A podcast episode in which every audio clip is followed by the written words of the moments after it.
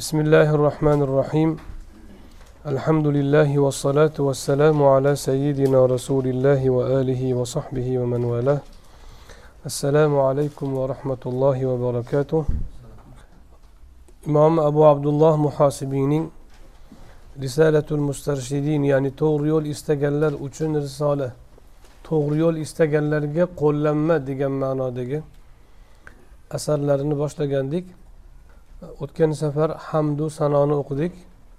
Endi darsni soatini ham qisqartiramiz. Sal cho'zilib ketib qoldi o'tgan safarlari. Darsni soatini ham qisqartiramiz. Shu bilan birga sal soddalashtiramiz xudo xohlasa inshaalloh. O'sha yoshroq odam ham tushunadigan kattaroq odam ham tushunadigan ilm o'qigan ham tushunadigan o'qimaydigan ham tushunadigan bo'lishini e, harakatida bo'lamiz. Lekin bir narsaga men tanbeh berib qo'ymoqchiman ya'ni ogohlantirib. Odatda darslarni adabiyotlarning suhbatlarning maqsadi odamlarning saviyasiga tushish bo'lmaydi. Odamlarni saviyasini ko'tarish bo'ladi. Odamlarni saviyasiga tushsangiz tushlab tushib ketaveradi. Ilgarigi masalan bizni mumtoz musiqalarda mamani salmoqlik hatto murakkab so'zlar navoiylarni fuzuriylarni so'zlarini qo'shiq qilishgan. Qaro ko'zim kelu mardumliq imdi fan qilg'il. Ko'zim qarosida mardum kibi vatan qilg'il degan masalan. Takovalingga bag'ir qonidin xino bag'la itingga g'amzada jon rishtasini rasan qilg'il. Tushundinglarmi xudoga shukur tushunmadi hech kim manimcha shularni tushunishgan yig'lashgan. Shunaqangi uzun jumlalari ham uzun e, so'zlari ham e, murakkabroq va balog'atli so'zlarni aytishgan. Yaqin yaqingacha ham shuni qo'ygan. Shu inqilob kelgandan keyin bizni tilimizni buzgan adabiyotimizni buzgan o'ris. Endi buzgani yetmagandek buzgan paytda ham boshida o'sha oldingilarni bir e, asarlari bor ediyu. Hozirga kelib u qaro ko'zim kelu mardumliq endi fan qilg'il desa birov tushunmaydi. Endi bog'im bor bog'im bor tushunadigan bo'lib qoldi odamlar. Bog'im bor bog'im bor bog'imda anorim bor. E, nima aloqasi bor? Boqqa e, bog' borligini kimga qizig'i boru bog'ida anor borini nima qizig'i bor? Mazmun mantiq degan narsa yo'q. O'zi to'rtta so'z. Bog'im boru bog'im bor. Ikkita so'z o'zi. Shuni besh marta uch marta qaytaradi shuni. Bog'im boru bog'im bor. Odamlarni saviyasi shunga tushdi hozir. O'shaning uchun hozirgi qo'shiqlar ham shunaqa kalta kulta qisqa to'rtta so'zni qaytaraveradigan bir bemaza E, narsaga aylandi. She'rlar ham shunaqa adabiyotlar ham. Adabiyot insonlarni ongini oshirishi aqlini o'stirishi zehnini chaqlashi e, insonlarni bir yuksakka ko'tarishi kerak edi. Aksincha adabiyot pastga tushib oldi. Bu noto'g'ri narsa bu. Odamlar undan ham pastga tushadi keyin. O'shaning uchun hozir o'sha eski mumtoz masalan klassik mumtoz e, she'riyatni aytsangiz birov tushunmaydi hozir. Qo'shig'ini ham tushunmaydi she'rini ham tushunmaydi. Shuningdek mana shayx hazratlar kitob yozganlar shuni ham ko'pchilik o'qib tushunmaydi. Nimaga? Shu o'ta pasayib ketgan ong. U odamlarni ongiga tushaversangiz borgan sari pastlab ketaveradi. Shuning uchun ilm doirasida yurganlarini sharti shuki adabiyotlarda darslarda shart shuki kishilarni ongini ko'tarish kerak. Boshida qiyin bo'ladi hamma narsa. Qur'on o'qiyotgan odam ham birinchi qiynaladi. Bismillahi rohmanir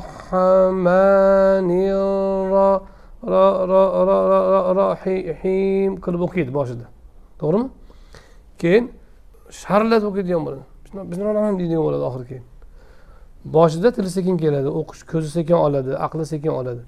Lekin mana tajribada hamma ko'rib turibdi o'zinglar ko'rib turibsizlar. Bir oy ikki oydan keyin o'rtacha tezlik borib borib sekinlatib bo'lmay qolyapti tezlikdan sekinroq o'qiydigan bo'lib qolyapti. Odam o'rganadi. Bu ilmlarda ham xuddi shunaqa. Darslarda boshida tushunmayotgan bo'lsangiz zerikmang. Balki tushunishga harakat qilib ko'proq zehn berib ko'proq e'tibor qilishni o'rganing. Shunda aqlingiz o'sadi. Shunda fikringiz o'sadi. Shunda so'z boyligingiz o'sadi. Uyingizdagi sakkizta inson odatda ishlatayotganda uyda ikki yuzta uch yuzta so'z bilan yashaydi. Ikki yuzta so'z uch yuzta so'z.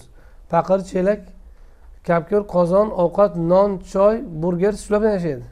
Hayotda kitob daftar. Shim ko'ylak hojatxona toratxona oshxona. Yotoqxona lekin uni lug'ati oz bo'ladi. Unga yangi lug'atlar qo'shilgan paytda uni ma'naviyati boy edi lekin boshida og'irlik qiladi. Hammasini birdaniga qamrash qiyin bo'ladi. Lekin takror bilan eshitish bilan va eshitganda yozib olish bilan uni qaytarish bilan va muzokara qilish bilan boyiydi o'sha lug'at. Birinchi lug'at boyiydi ikkinchidan ilmiy biz endi kitob ilmiy bo'lgandan keyin uni kitobni o'zini saviyasida sharh qilish kerak. Shart shu. Ulamolarni sunnatlaridan qoidalaridan biri shuki kitob qaysi saviyada yozilgan bo'lsa o'sha saviyada sharhlanishi kerak. Tushunarlimi? Biz yana ham soddalashtirib yana ham osonlashtirib beramiz o'zi asli. Lekin uni bir yo'li hammaga tushunarli bo'lsin bo'ladigan qilaman deb salmog'ini ketkazib qo'ymaslik kerak. Bachkanalashib ketib qoladi. Birinchidan o'sha kitobni o'zini saviyasiga qarab sharhlanishi kerak. Odamlar o'sha saviyaga ko'tarilishi kerak. Eshitaversa takrorlayversa fikrlayversa ko'tariladi. Ong ong oshadi. Uchinchidan bu yerda kitobni o'qish bilan o'qishda farq bor. Maqsad ko'p ma'lumot berish emas. Bu biz sizlarga hozir aytayotgan bu kitobni sharhi maviza emas. Maviza tarzida emas balki dars tarzida bo'lishini istaganmiz.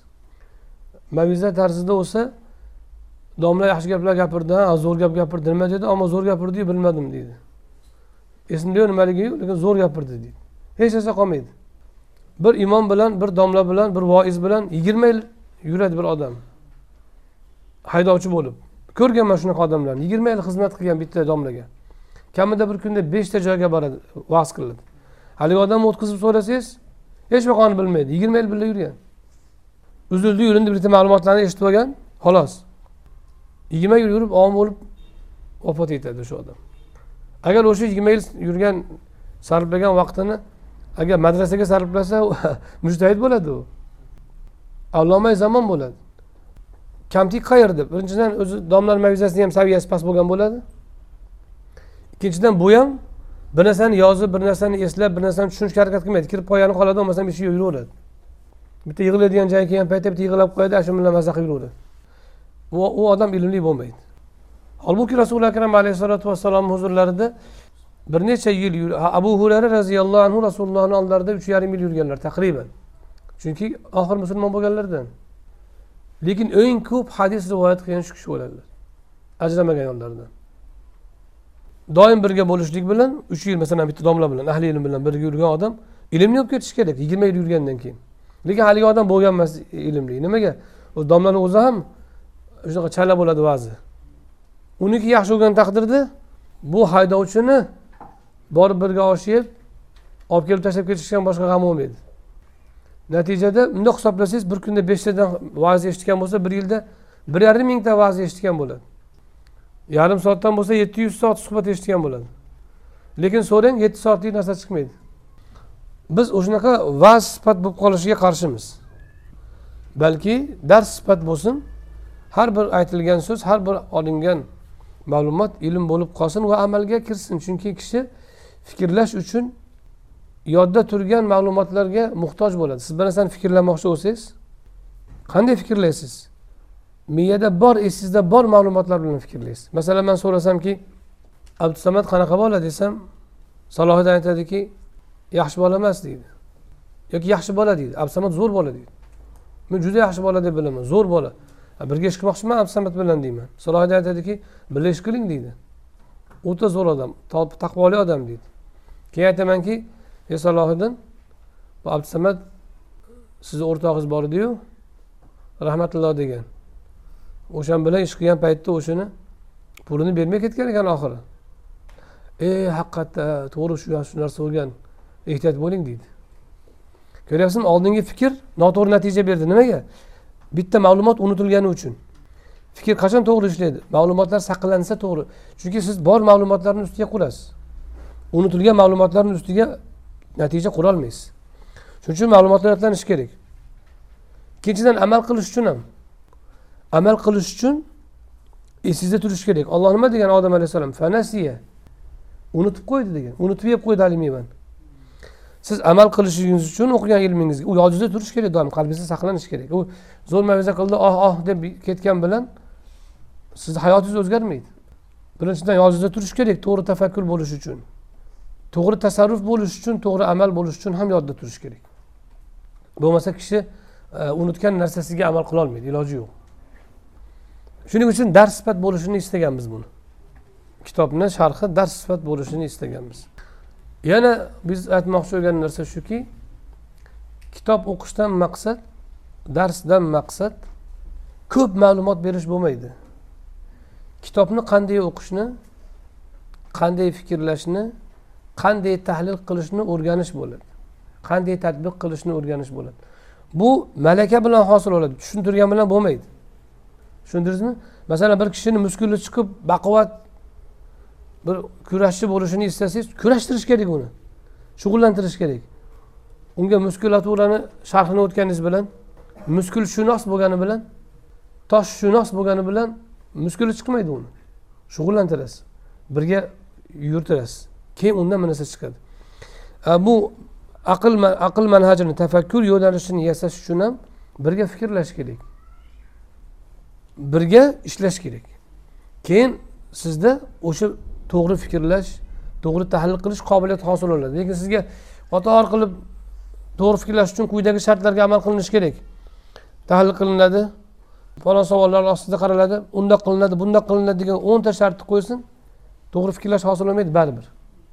U xuddi futbolga yugurtirgandaqa oyog'ingizni.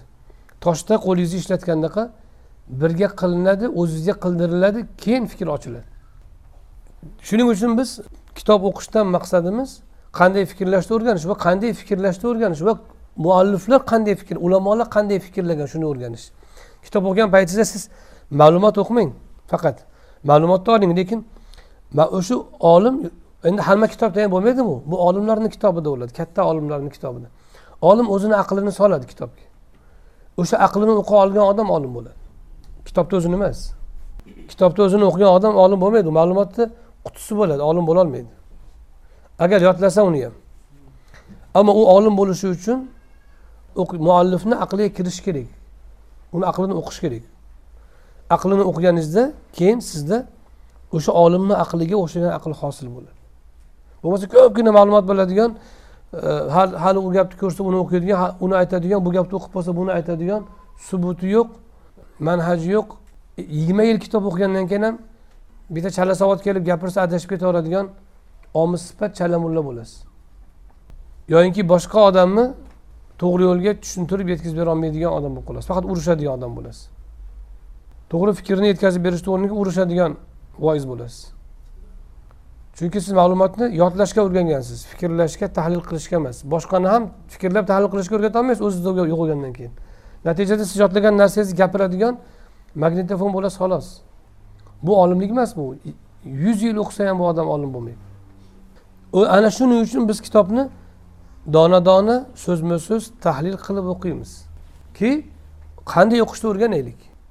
Ulamolarni qanday tushunishni o'rganaylik? Tushunarlimi? Shuning uchun diqqat bilan teppa teng fikrlab teppa teng anglab ketish kerak. Tushunmay qolgan joyini so'raverish kerak. Hech bir hijolat bo'ladigan narsa emas. Tushundim deb o'ylagan taqdiringizda ham bir qator ta'kidlab olishingiz mumkin ba'zi narsalarni. Chunki inson tushundim deb o'ylaganda ham tushunmayotgan bo'ladi ko'pincha. Yoki noto'g'ri tushunayotgan bo'lishi mumkin. Ammo vaqt o'tib insonni ongi oshib oshib tushunadigan bo'ladi. Yangicha fikrlash yangicha bir o'ylash sizga muqobil bo'lgan paytda albatta inson gohida qiynaladi. Boshida. Biz ustozlarimizdan biri aytadiki man o'zimni shayximni oldiga borgan paytimda shu o'n yetti o'n sakkiz yosh paytimda u kishi ham misrlik katta olim. Bu kishi ham arab u ham azarda azharda o'qiydigan tolib. Ustozni oldiga borardim eshitib o'tirardim gapirardi hech vaqoni tushunmasdim deydi. Lekin tikilib o'tiraverardim deydi. Tushunishga urinib. Borib borib tushunganman deydi hozir o'zi gapirsa o'zi ustozdaqa gapiradi hozir endi. O'zini ham gapini birinchi eshitgan odam birdaniga tushunmaydi. Saviya shunaqa darajaga chiqqan e, ilmiy darajaga chiqqan. Va'z umumiy odamlarga bo'lishi yaxshi bo'laveradi lekin tolib ilmlarga dars bo'lishi kerak va'z emas. Va'z ham kerak orasida va'zi bo'ladi albatta. Lekin faqat va'zga aylanib qolmasligi kerak dars. Chunki hissiyot o'tadi ammo tafakkur qoladi. Tafakkur bilan hissiyot birlashganda kishida haqiqiy to'g'ri tasarruf hosil bo'ladi. Mana shu kitobni ilgari ham biz e, o'qiganmiz. E, o'shanda o'tirganlardan ba'zilari menga keyin aytishgan. o'ttizga kirgan o'ttiz beshga kirgan odamlar ba'zilari o'qituvchi ham bo'lgan maktabda dars ham bergan ekan. Ya'ni o'ta savodsiz odamlar emas savodi bor kitob ko'rgan odamlar. Shu darsingizga birinchi kirganimda tushunmaganman deydi. O'zbekcha gapiryapmanmi? U tushunmagan. Oxiri bir ikki oydan o'tib keyin tushundim deydi. Mana hozir tushunyapman degan o'shanda ham tushunganmi allohu alam. Ammo tushunyapman deb qanoatlanishni boshlagan. Borib borib tushunadi inson. Vaqt o'tib e, inson hammasi oddiy narsalar o'zi asli. Lekin bizga yangilik bo'lsa bizga qiyin tuyuladi. Keyin e, yana biz e, e'tibor qiladigan narsa yuqorida aytganimizdek qanday kitob o'qishni o'rganish? Doim shuni bilinglar. Xudo xohlasa ilm o'qiysizlar inshaalloh. Ko'p kitob ko'rasizlar hali. E, o'shanda yodlovchi bo'ling fikrlovchi bo'ling. Faqat yodlovchi emas. Shuning uchun doim biz aytamiz qoida qilib olganmiz ilm ma'lumotlarni takrorlash emas tashish emas mohiyatlarni anglashdir. Ta'limdan maqsad mohiyatlarni tanishtirish emas faqat mohiyatlarni topishni o'rgatishdir. Tushundingizmi? Ilmdan murod nima? Ilm ma'lumotlarni tashish emas yoki takrorlash emas balki mohiyatlarni anglash. Ta'lim mohiyatlarni tanishtirish emas faqat mohiyatlarni topishni o'rgatish. Tushundingizmi? Mana shuni yaxshilab yozib olib yodlab olinglar shunga doim amal qilinglar. Bu o'ta muhim qoida. Afsuski juda ko'p ta'lim muassasalarida xususan bizni diniy ta'lim sohasida yo'qotilgan sifat.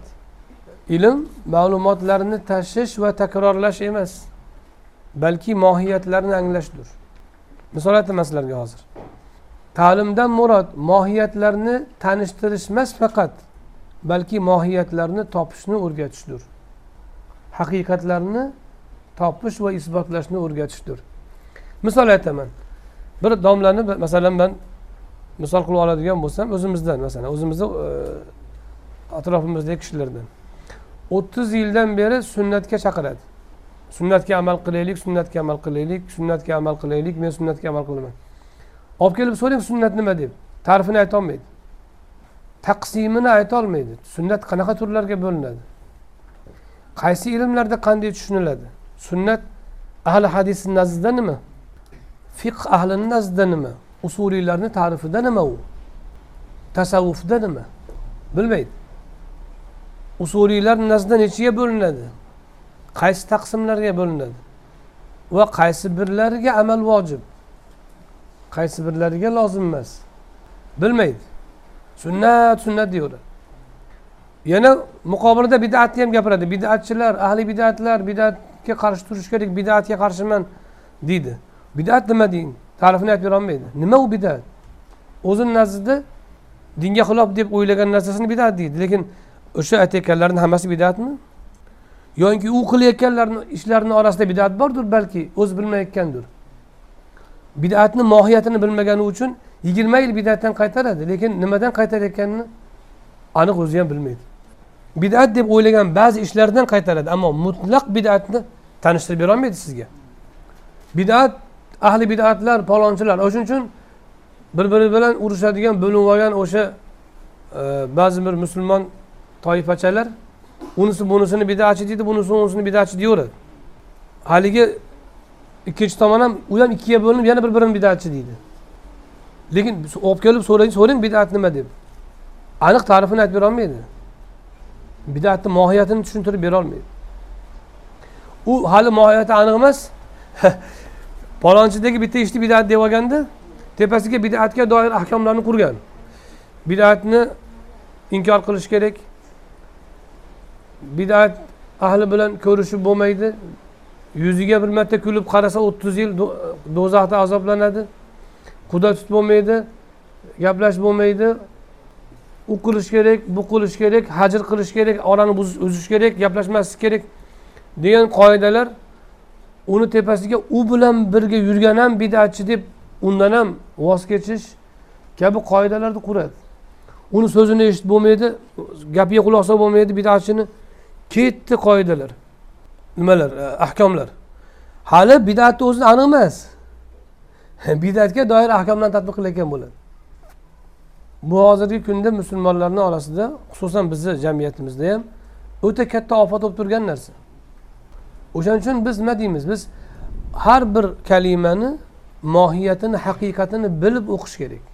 Ulamolar nima maqsadda aytgan buni? Nima demoqchi? Qaysi ta'rifga binoan aytgan? Tasavvuf ahli bir gapni aytib bu sunnatdir desa fuqaho chiqib sunnat emas deydi. Siz qaysi fanni kitobini o'qiyapsiz? Bilishingiz kerak. Tasavvuf ulamosini kitobini o'qiyotgan bo'lsangiz u sunnat degan narsani siz mutlaq sunnat deyolmaysiz. Fiqh fuqahoni nazdida usuliy nazdida sunnat emasligi mumkin u. Siyrat kitobini o'qiyapsiz yoki hadis kitobini o'qiyapsiz. Bidattur degan so'z keldi. Shu narsa bidatmi? Qarashingiz kerak boshqa fanlarga ham.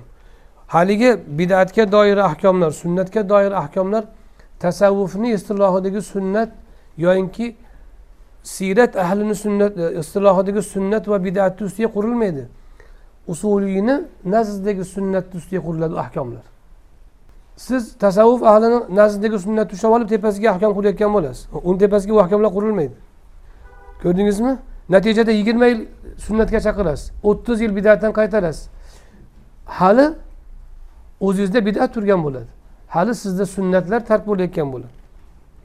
Siz hali bidat emas narsa bilan shug'ullanayotgan odamni bidat qilyapti deb undan orani uzib gunohkor bo'layotgan bo'lasiz.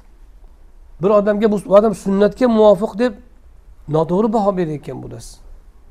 Sunnat ta'rifini yaxshi bilmaganingiz uchun. Shuning uchun biz doimo e'tibor qilamizki kitob o'qiganda hadis o'qiganda oyat o'qiganda hatto ulamolarni kitoblarini o'qiganda tushunib o'qish kerak shunday anglab o'qish kerakki u bu kishi qaysi fandan turib gapiryapti? Qaysi ataman nazarda tutyapti bu yerda bu kishi? Bu gapni aytishdan murod nima? Falon joyda bunga teskari gap bor qanday ikkovsini muvofiqlashtiramiz? Va hokazo deb tahlil qilib o'qish kerak shunga qarab fahmlash kerak keyin tadbiq qilish kerak. O'shaning uchun ham salim ham salafga ergashyapman deydi karim ham salafga ergashyapman deydi. Ikkovsi ham bir biriga dushman keyin. U ham salafga ergashyapman deydi. Bu ham salafga ergashyapman deydi. Qayerdadir xato bor. Bu va'z bilan o'nglanmaydi. Bu ta'lim bilan ongni fikrni to'g'irlash bilan ma'lumotlarni to'g'irlash bilan asliga qaytarish bilangina o'nglanadi bu gaplarni yaxshi tushunib olinglar har qanday kitob o'qiganda har qanday suhbat eshitganda har qanday so'zni eshitganda mana shunday mezon bilan me'yor bilan qabul qilishni bilishimiz kerak. O'shaning uchun bizni gapimiz biroz darsda cho'zilib ketadi. Biroz cho'zilishini boisi muallifni maqsadini ochib berish. Endi bu muallif imom ahmadni ham davrlari biz aytganmiz ikki yuz qirq birinchi yil vafot etganmidilar ikki yuz oltmish uchinchi yil vafot etganmidilar xullas ikki yuz qirq uch ikki yuz qirq uch vafot etganlar. Bu bularni davrida bu kishilar ilmiy doirada yurgan. Qisqa so'zlar bilan odamlar tushunavergan. Bidatchiga qaramagin desa bidat nimaligini bilgan ular. Biz hozir bilmaymiz biz bidatni ta'riflab berishimiz kerak. Sunnatni mahkam tut deb ketavergan. Biz sunnatni ta'riflab berishimiz kerak. Taqvoni ushla balki varani ushlagin desa biz taqvo deganda palonchi taqvodor deymiz. Taqvoni bilmasa o'zi nimaligini hali. Taqvodor degan odamdan so'rang palonchi taqvodor degan odamdan xohlagan odamingizdan. Taqvo nima deb so'rang ta'rifini aytib berolmaydi. Yaxshi amal yaxshilik e, dinga amal qilish yo'q dinga amal qilishdan farqi bor taqvo. Nima u? Umuman amal qilish emas. Amal qilishdagi maxsus bir sifat u. Nima u? Aytib berolmaydi hech kim. So'rang palonchi taqvodor degan odamni xohlaganingizni olib kelib so'rang taqvo nima deng? Aytib berolmaydi. Illo nodir odamlar aytishi mumkin. Palonchi taqvosiz ekan deydi. Nima u taqvo deng? Bilmaydi. Vara bor taqvodan boshqa narsa. Nima u? Vara. Taqvoli bo'laylik vara taqvo kerak ollohdan qo'rqish kerak deydi. Nima u taqvo? Bilmaydi. Qirq yil taqvoga chaqiradi keyin. Taqvo nimaligini o'zi bilmaydi. Bunaqada ikki asrda ham odamlarni ilmi o'smaydi. Har bir so'zni mohiyatini aslini ishlatgan tomon nima maqsadda ishlatganini bilmay turib tushunib bo'lmaydi. Qur'oni karim taqvoga buyurganmi? Nimani nazarda tutgan? O'shani bilib olish kerak keyin qur'on qur'oni karimni taqvo degan oyatini keyin sharhlash kerak. Payg'ambarimiz sunnatni mahkam tuting dedilarmi? Alayhissalotu vassalom rasululloh sunnatni mahkam tut dedilar. Sunnat deb baqirishni o'rniga.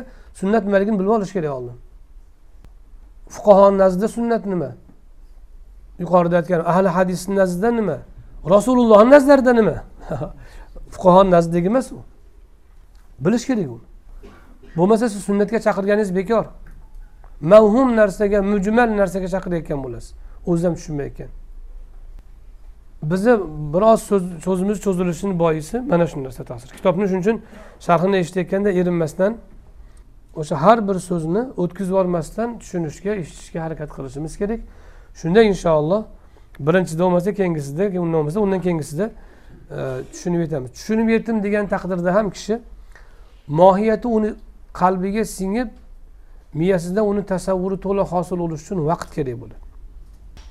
Sizga oddiy misol otang senga mehribon degan gapni aytadi onangiz. Yoki onangiz onang senga mehribon deydi otangiz tushunmaysiz birdaniga.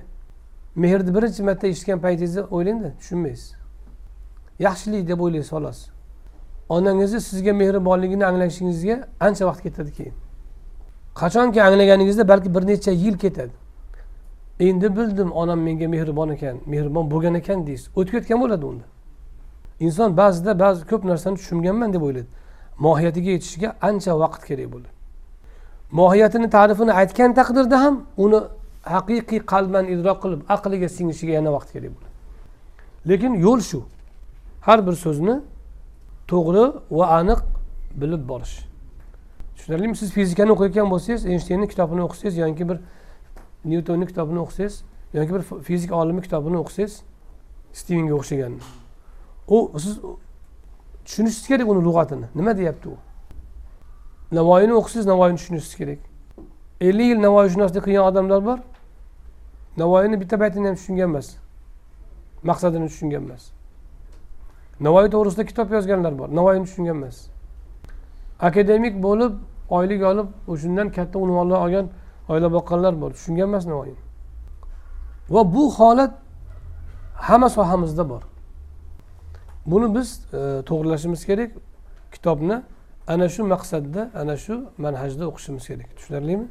Shuning uchun biroz cho'zilib qolsa aybga buyurmaysizlar taqsirlar ho'p bismillahi rohmanir rohim alhamdulillahi vassalatu vassalamu ala rasulillahi va alihi va sahbihi va vala alloh taolo muallifni ilmlaridan bizga manfaat bersin. U kishi o'tgan safargi e, darsda biz o'rganganimizda e, bitta jumla aytdilar. U bir gap aytdilar. Gapni ma'nosi shuki alloh taolo o'zini bandalari orasidan mo'minlarni aqlli mo'minlarni dono mo'minlarni alohida o'zi ajratib oladi tanlab oladi.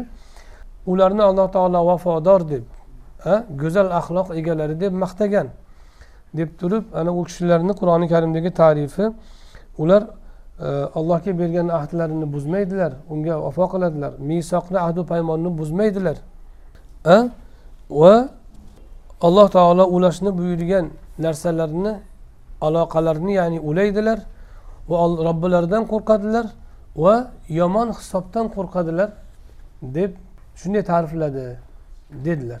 Endi u gapni aytishdan murod nima? Alloh taolo shunday o'zini bandalari orasidan mo'minlarni mo'minlarni orasidan ham shunaqangi bir donolarini tanlab olibdi. Ana shu maqtovga sazovor bo'lish uchun nima qilishimiz kerak? Ana shu haqiqiy mo'minlik darajasini olish uchun nima qilishimiz kerak degan savolga bu risola bilan javob bermoqchi. Endi aytadilarki kimniki alloh taolo ko'ksini iymonga keng qilib qo'ysa qalbini iymonga keng qilib qo'ysa biz tilimizda iymon iymon bilan qalbini ochib qo'ysa degan. Soddaroq aytsak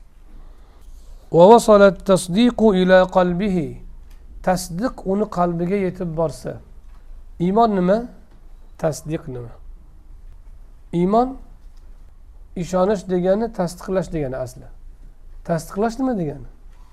Rost deb bilish degani. Rost nima degani? Voqeaga muvofiq degani. Tushunarlimi? Palonchi rost gapirdi degani gapi voqeaga muvofiq. Soat nechi bo'ldi desa sakkizu o'n besh desa bundoq qarasangiz sakkizu o'n besh bo'lsa haqiqatda gapi voqeaga to'g'ri keldimi? O'sha odamni gapi rost bo'ladi.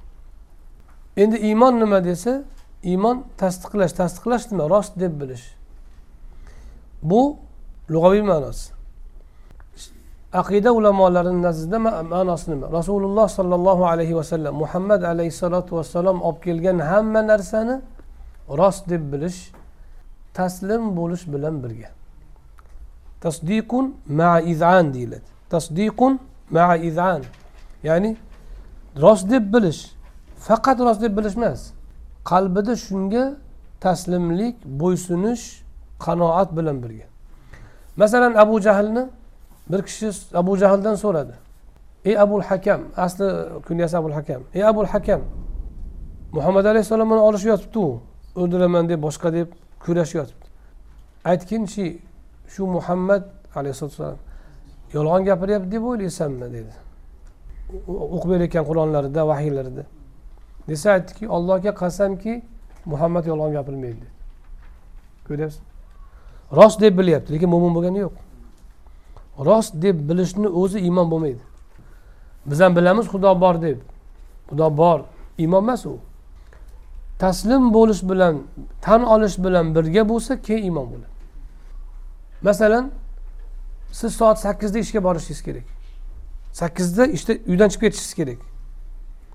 Sherigingizdan so'radi soat nechi bo'ldi dedingiz sakkiz bo'ldi dedi yoki o'nta kam sakkiz bo'ldi o'n daqiqada yetib borishingiz kerak yoki sakkiz bo'ldi dedi sakkizda chiqib ketishingiz kerak edi siz sakkizda chiqaman degansiz sakkizda uydan chiqib ketishingiz kerak yoki ijarada o'tiribsiz birovni uyida kelishgansiz beshinchi yanvarda chiqib ketishingiz kerak yoki beshinchi yanvarda pulni berishingiz kerak ijarachiga bugun nechinchi kun beshinchi kun ha bo'ldi bermadingiz ijarani uydagi aytyapti bugun beshinchi kun deyapman ha bilyapman beshinchi kunligini. Beshinchi bilaman deyapsiz.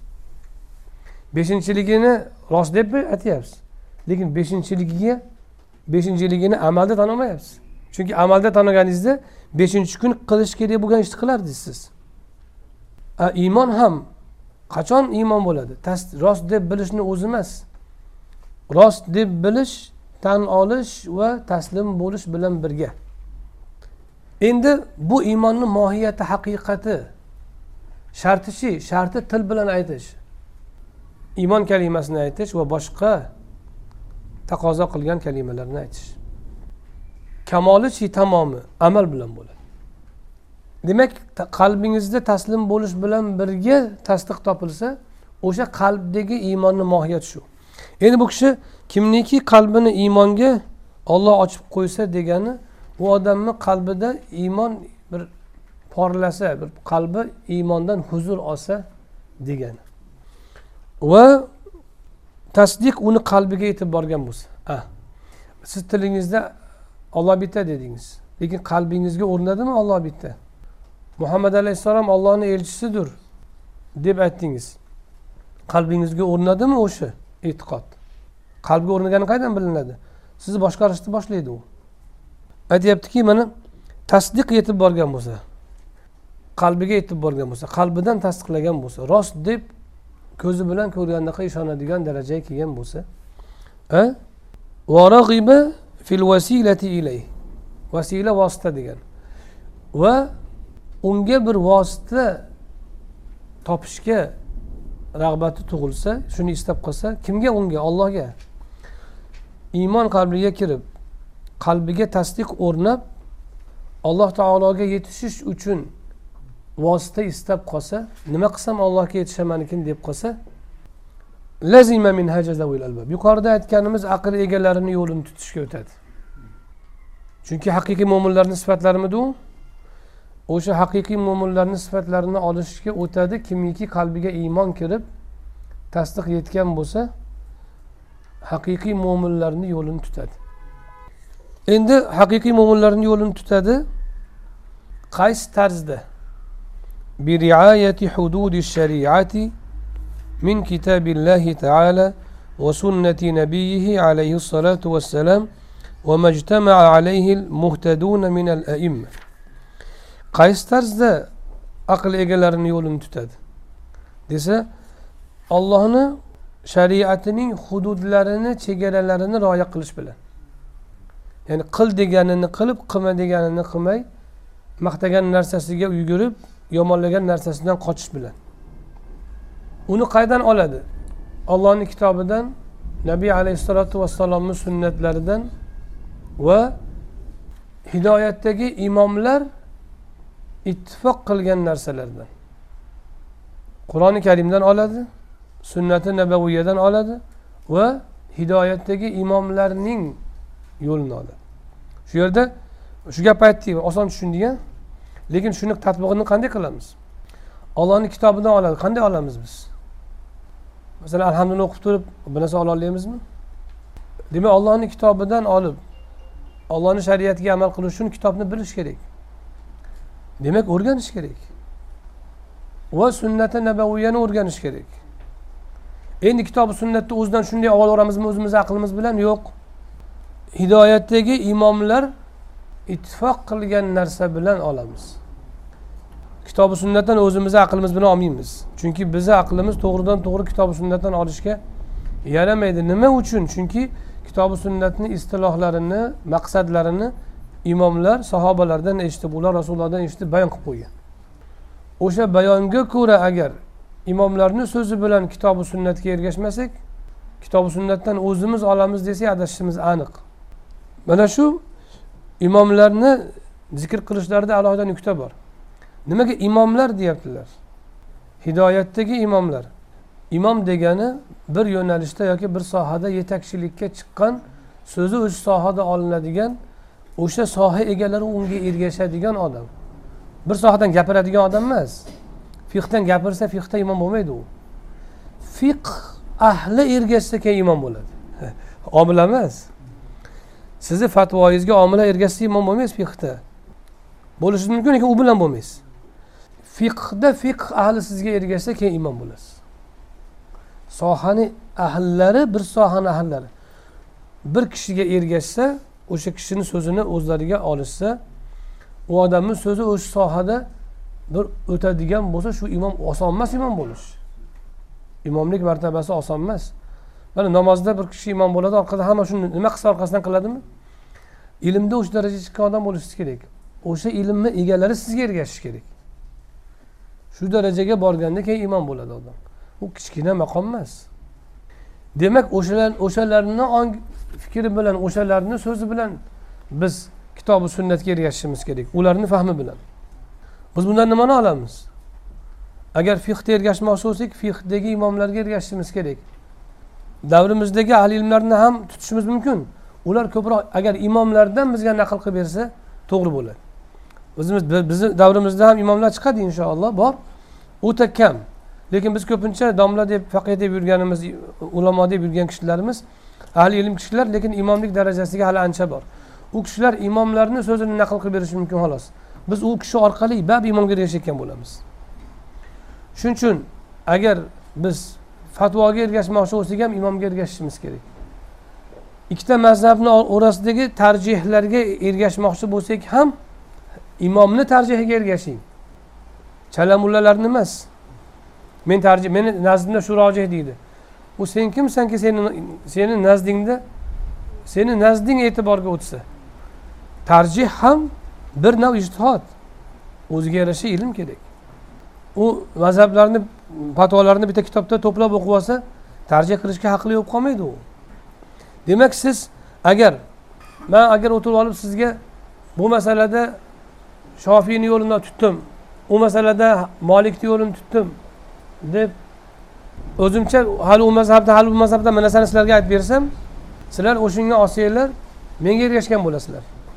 Lekin bitta imomni usulidan kelib chiqib o'sha imomni gapini aytib bersam imomga ergashgan bo'lasizlar. Tushundingizmi? Agar man bu safar shofiyni gapini olamiz. Mana bunisi rojih ikkinchi masalada molik unisi rojih bu safar bunisi rojih o'shani olamiz deb o'zimcha man sakkizta mazhabni aralashtirib sizga fatvo bersam bu fatvoyimda mani usul yaratmagan bo'lsam beshinchi mazhab yasayotgan bo'laman. To'rtta mazhabdan tashqari beshinchi mazhab. Siz menga meni fatvoyimni olib bu mazhabdan bu mazhabga o'tsangiz siz imomga emas menga ergashayotgan bo'lasiz. Mullavachchaga yoki tolib ilmga. Agar men sizga bitta mazhabni bitta imomni gapini aytib tursam hanafiyda shu deb bo'ldi. Siz shunda imomga ergashayotgan bo'lasiz. Abu hanifa rahmatullohi alayhi. Yoki faqat shofiyni mazhabini aytib tursam imomga ergashayotgan bo'lasiz. Bo'lmasa imomga emas chala mullalarga ergashayotgan bo'lasiz. Imomga ergashsangiz mabodo imom xato qilsa ham xatosiga bitta ajr olgan. Sizni amalingiz shariatga muvofiq deyiladi savob olasiz. Ammo haqsiz ijtihodga haqqi yo'q odamni ijtihodiga ergashsangiz u to'g'ri topsa ham gunohkor. Unga ergashsangiz amalingiz shar'iy bo'lmaydi. To'g'ri topgan bo'lsa ham amalingiz shariatda e'tiborga olinmaydi. Shuning uchun bu kishi hidoyatli imomlar deb tayinlab qo'yyaptilar tushunarlimi? Ko'rdingizmi ulamolarni kitobini o'qiganda qanday tushunish kerak? Kitob sunnatga ergashish kerak imomlarga ergashish kerak deb ketaverasiz. Yo'q. Imom kim degan savolni qo'yish kerak? Qachon imom bo'ladi u? Imomga ergashish qanday bo'ladi? Uni anglashimiz kerak. Bir safar abu hanifaga bir safar shofiyga ergashyapman babi imomga ergashyapman deb o'ylaysiz unaqa emas. Nimaga imom shofiy abu hanifani gapini olgan emas? Demak u kishini yo'nalishi boshqa. Demak siz imom shofiyga ergashsangiz u kishini hamma qoidasini qabul qilgan bo'lasiz. Hazrati imomga ergashsangiz u kishini hamma qoidasini qabul qilgan bo'lasiz. Qoidasidan chiqib boshqa mazhabga o'zizni o'zi o'tishga haqqingiz yo'q. Illo ulamolar katta imom shu ahli ilmlar qoidalardan kelib chiqib birorta fatvoni sizga topib bermasa agar yo'q. Unaqa odam yo'q hozir. Man masalan shu fatvo berayotgan odamni onasini bilmayman shunaqa odamni. Bundoq fatvosini u mazhabdan bu mazhabga o'tib bu mazhabdan bir safar u mazhabdan bir safar fatvo olayotgan odamni fatvolarini tahlil qilsangiz yengilini tanlayotgan bo'ladi ko'pincha. Yoki o'zi o'rganganini tanlayotgan bo'ladi. U degani nafs havo degani siz bitta imomni manhajini qo'yib bitta imomni kitobi sunnatdan olingan qoidasini mazhabini qo'yib bitta chalamullani nafsiga ergashayotgan bo'lasiz havosiga ergashayotgan bo'lasiz. Qanaqa din bo'ladi u? Bu odam oxiratga dinini salomat olib borolmaydi u hazir bo'lishi kerak bunda. Bu mazhabga mutaassiblik emas bu kitobi sunnatga haqiqiy san'at bilan havoyi nafsini chekkaga chiqarib qo'yib qoida bilan manhaj bilan ergashish bo'ladi. Tushunarlimi shuning uchun imomlarga ergashishni aytyaptilar. Endi demak biz mo'minlarni yo'lini tutmoqchi bo'lsak aqlli mo'minlarni kitobi sunnatga ergashamiz imomlarning fatvolariga ilmlariga ergashamiz o'sha orqali ergashamiz. Alloh nasib qilsa keyin biz ham kitobi sunnatdan to'g'ridan to'g'ri nasihat oladigan to'g'ridan to'g'ri hukm oladigan bo'lamiz. To'g'ri qur'oni karimda masalan nasihat oyatlari bor. Ko'zingni tiy zinoga yaqinlashma ularni to'g'ridan to'g'ri qabul qilaverasiz. lekin ahkomlarga kelganda halol haromga kelganda mujtahidga muhtoj bo'lasiz ammo nasihatlarini ibratlarini olaverasiz qavmlarga yuborilgan e, ibratli qavmlar haqidagi ibratli qissalardan olaverasiz ibrat o'shanda ham ulamolarni mufassirlarni manhaji bilan olish kerak o'zingizni xohlagan havoyingiz bilan emas وهذا هو الصراط المستقيم الذي دعا إليه عباده فقال جل عز جل وعز وأن هذه هذا صراطي مستقيما فاتبعوه ولا تتبعوا السبل فتفرق بكم عن سبيله ذلكم وصاكم به لعلكم تتقون. منشو توغري يولدر صراط مستقيم. مستقيم يعني توغر ديانا أنا اللي جيوق صراط دي يول دي أصل سين بلن صراط بولر أصل صراط.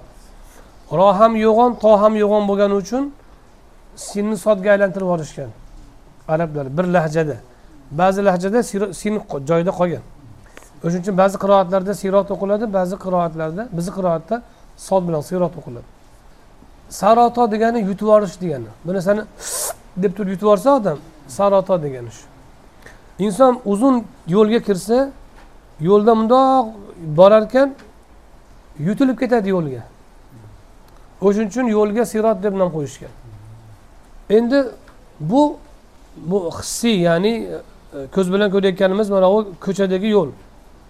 Endi shu so'z ma'naviy ma'noda ham mavhum ma'noda ham insonni hayotiy tutumini yo'l deb aytishgan. Hayotiy tutumni nima deymiz? Yo'l deymiz. Bu odam to'g'ri yo'lda yuradi deymiz. U degani e, mana shu ko'chaga chiqqandan keyin burilmasdan ketadi degani emas. Bu odam adashmasdan haqqa amal qilib boradi degani bo'ladi. To'g'ri yo'l degani shu. Alloh taolo o'shanga o'xshatgan. Nimaga alloh taolo o'zini dinini yoki ta'limotini yo'lga o'xshatgan? Chunki yo'l odatda bir maqsadga olib boradi. Yo'lga odatda maqsad uchun chiqiladi. Bozorga boraman deb yo'lga chiqasiz. Uyga ketaman deb yo'lga chiqasiz. To'g'rimi? Bir maqsadga olib boradi yo'l odatda. Alloh taolo o'zini ta'limotini nima uchun yo'l deb atagan desangiz qayoqqadir olib borgani uchun qayerga olib boradi? Ollohni o'ziga olib boradi. Alloh taologa olib boruvchi vosita bo'lgani uchun bu ta'limotga yo'l deb nom berilgan sirot deb nom berilgan. Nimaga mustaqim degan to'g'ri degan to'g'ri yo'l odatda birinchidan oson bo'ladi yurish. Inson charchamaydi gangimaydi hatto sho'pirlar uxlab qoladi yengilligidan yo'lni osonligidan tekis yo'lga tushsa. To'g'ri yo'l odatda oson yetkazadi va tez yetkazadi. O'ngga burilib chapga burilib borgan odam uzoqda yetib boradi yaqin yo'lga. To'g'ri yo'l tez va oson yetkazadi. Shuning uchun alloh taolo o'zini ta'limotini o'ziga tez va oson yetkazuvchi bo'lgani uchun siroti mustaqim deb atagan. Va buni bizga har namozda so'rashni buyurgan. Bir kunda oltmish marta so'raymiz mustaqim deb kamida. Bizni to'g'ri yo'lga boshlagin deb. O'sha to'g'ri yo'l nima u? O'sha desak yuqorida aytilgan kitobi sunnat va imomlarni yo'li shu siroti mustaqim shu deyaptilar.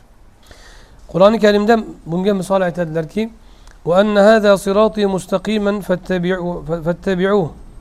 rasuli akram alayhissalotu vassalomga buyurgan bu gapni aytishni. Ayting muhammad alayhissalotu vassalom mana shu meni to'g'ri yo'limdir. Tepada ahkomlarni aytadilar bir qancha ta'limotlarni. Keyin bu gapni aytadilar. Mana shu meni to'g'ri yo'limdir. Fattabiuhu mana shu yo'lni tuting. Vala tattabiu subul boshqa yo'llarni tutmang. Fatafarraqa bikum an sabili. Ollohni yo'lidan sizlarni chalg'itib turli tomonga sochib tashlaydi. Shu oyatni rasuli akram alayhissalotu vassalom o'qib berib ibn masud roziyallohu anhu aytganlar yerga yerga chizdilar yo'g'on bir chiziqni chizdilar. Yo'g'on chizig'ini chizdilar uzun qilib. Keyin atrofiga mayda mayda chiziqchalar chizdilar. O'ng tomondan chap tomondan mayda mayda chiziqchalarni chizdilar. Tuproqni ustiga chizdilar. Keyin aytdilarki mana shu o'rtadagi to'g'ri yo'l mashsiroti mustaqim dedilar. Mana atrofidagilar subul boshqa yo'llarga ergashma degandagi yo'llar mana shu atrofdagilar bikum an sabili u yo'llar sizlarni ollohni yo'lidan chalg'itib turli tomonga bo'lib tashlaydi. Degandagi yo'lchalar mana bu atrofdagi chiziqchalar har bir yo'lni boshida shayton turadi dedilar. O'sha yo'lga chaqirib. Nimaga uzun chiziq chizdilar va yo'g'on chizdilar? Shariat keng va ochiq va yorqin.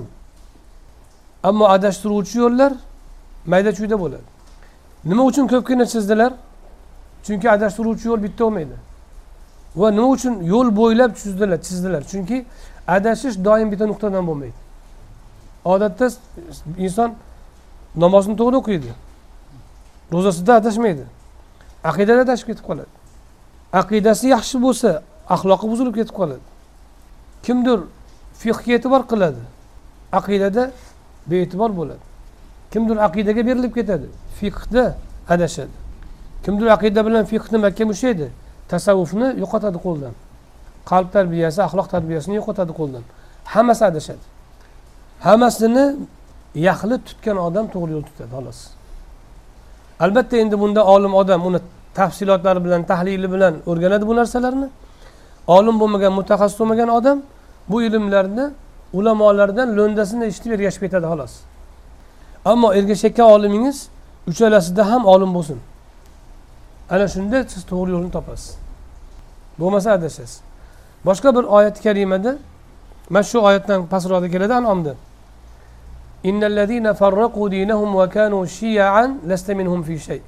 Dinlarini parcha parcha qilib bo'lib toifa toifalarga to'da to'dalarga ayrilib olganlarni sizga aloqasi yo'q. Siz ulardan emassiz ular sizdan emas degan. Tafsirda aytadilarki dinlarini parcha parcha qilib bo'lganlar degani nima degani? Nima qilish dinni parchalash bo'ladi? U olib kelib qur'onni yirtib yuborish emas u. Yoki sahih buxoriyni yamin o'qib yamin o'qimaslik emas faqat. Balki dinni parchalash nima bilan bo'ladi? Ba'zisini olib ba'zisini olmaslikdan bo'ladi. Islom tarixidagi hamma toifani oling. Yo dinni ba'zisini olib ba'zisini olmagan yoyinki dinni maqsadi bilan tushunmagan. Yuqorida aytganimizdek istilohlarni shoriyni yani rasuli akram alayhissalotu vassalomning so'zlarini u kishini maqsadlari bilan qo'shib tushunmagan. So'zni o'zini o'zini kallasidagi tushuncha bilan tushungan. Kullu bidatin dolala har bir bidat zalolatdir dedilar deydi. O'zini kallasidagi bidatlarni sanaydi keyin. Rasulullohni iroda qilgan bidatlarni aytish kerak o'zini kallasidagini emas. Mana shundan chiqadi adash. Yo maqsadni noto'g'ri tushunishdan chiqadi. So'zlovchining yoyinki ba'zisini olib ba'zisini olmaslikdan chiqadi adashish. Toifalar shundan chiqqan hamma toifa shundan chiqqan. O'shaning uchun qur'oni karimda dinlarini parchalaganlar va to'da to'da bo'lib olganlar deydi. To'da to'dalik shundan chiqadi. Yo mohiyatiga yetib bormaslikdan yoki ba'zisini olib ba'zisini olmaslikdan chiqadi. Lasta minhum fi shay sizga umuman ularni aloqasi yo'q. Sizni ularga aloqangiz yo'q. Sizni yo'lingizda emas ular. U tomog'ini qirib sunnatni sunnatga ergashishini davo qilsa ham. Mana bu siroti mustaqimdir. Biz shuni so'raymiz doim. Nima uchun so'raymiz? Bizda yo'qmi siroti mustaqim? Namozda so'raymiz. Bir ma'noda sobit qilishi uchun so'raymiz qaytib qaytib. Ikkinchi ma'noda siroti mustaqim har bir amalda ko'rinadi. Bir kishi namozni tez o'qiyotgan bo'lsa siroti mustaqimdan chiqqan namozda. Sekin o'qishi siroti mustaqimga qaytishi. Bir kishi ro'za tutib turib g'iybat qilib qo'yayotgan bo'lsa ro'zada siroti mustaqimdan chiqqan. Siroti mustaqimni so'raydi ro'zada to'g'risini topish uchun. Bir kishi aqidani bir masalasida adashgan. Boshqa amallarda siroti mustaqimda ammo aqidani o'sha masalasida siroti mustaqimdan chiqqan. O'sha masalada ham siroti mustaqimda bo'lishni so'rayotgan bo'ladi. Shariatni har bir juzida inson siroti mustaqimda tursa keyin e, to'la qonli siroti mustaqimni egallagan bo'ladi. Biz ba'zi juzlarida toyilib ketishimiz odatda bo'lgani uchun tinimsiz so'raymiz va tinimsiz shunga harakat qilamiz. Nima uchun bizga doim so'rashga buyurgan adashib ketish ehtimolimiz doim bo'lgani uchun. Va nima uchun qaytib qaytib so'rashni buyurgan fotihani o'qib oltmish martalab har kuni? Bunga ehtiyojimiz katta bo'lgani uchun. Va bu so'rashdan biz nimani olamiz? Siz bir narsani ollohdan so'rarkansiz o'zingiz harakat qilasiz. Parvardigor menga pul bergin deb yotmaysizu og'anab rizq so'rarkansiz chiqasiz tirishasiz. To'g'rimi? Siroti mustaqimni so'ragan odam ham qaysi yo'l haq ekan nima qilsam allohga erishaman ekan deb shu g'amda yashaydigan odamga aylansa keyin ehdina sirotal mustaqim deyayotgan duosi rost bo'ladi. Bo'lmasa tilidan shunchaki chiqayotgan bir havodagi gap bo'ladi xolos. Demak bir kunda oltmish marta siroti mustaqimni so'rayotgan odam shu so'rovi rost bo'lsa agar u odam nafsini ham o'zi mansub bo'lgan narsalarni ham istaklarini ham o'tmishini kelajagini chekkaga chiqarib qo'yib faqat to'g'ri yo'l istayotgan odam bo'lishi kerak. Faqat haqparvar inson bo'lishi kerak. Shunda uni ehdina sirotal mustaqimi to'g'ri bo'ladi va sodiq bo'ladi shu duoda u. Shunda u ijobat bo'ladi. Ana siroti mustaqimni yo'li shu deydilar. Kitobi sunnat va imomlarga ergashish tamom endi siroti mustaqimni alloh taolo qur'oni karimda shunday va anna hada siroti mustaqiman bilan aytgan bo'lsa rasuli akram alayhissalotu vassalom aytdilarki alaykum bi sunnati va sunnati xulafai roshidina min ba'di addu alayha bin navajid aytdilarki rasuli akram alayhissalotu vassalom mani sunnatimni lozim tuting. Alaykum bi sunnati. Mening sunnatimni lozim tuting o'zizga. Meni sunnatimni tuting o'zizga. Doim. Va to'g'ri yo'lda bo'lgan mendan keyin to'g'ri yo'lda bo'lgan xalifalarning sunnatlarini tuting va bu sunnatni oziq tishingiz bilan tishlang dedilar. Bu hadis boshqa bir arbainni sharhida ham aytganmiz mazlum hadislardan. Bu hadis sharifni bunda qarasangiz to'rtta bir biriga zid toifadagi kishilar har biri o'ziga hujjat qilayotgan bo'ladi. Va qarshi tomonga shu bilan zarba bermoqchi bo'ladi. Balki undan ko'p. Bir kishini eshitasiz shu oyatni o'ziga dalil qiladi qarshisidagi hujjat qiladi. Qarshisidagi ham xuddi shu hadisni ushlab unga qarshi hujjat qilayotgan bo'ladi. Endi biz e, qilib bitta hadis bir biriga qarshi ikkala tomonga ham hujjat bo'lyapti ziyoniga degan savolni beramiz. Muammo qayerda desak fahmda bo'ladi.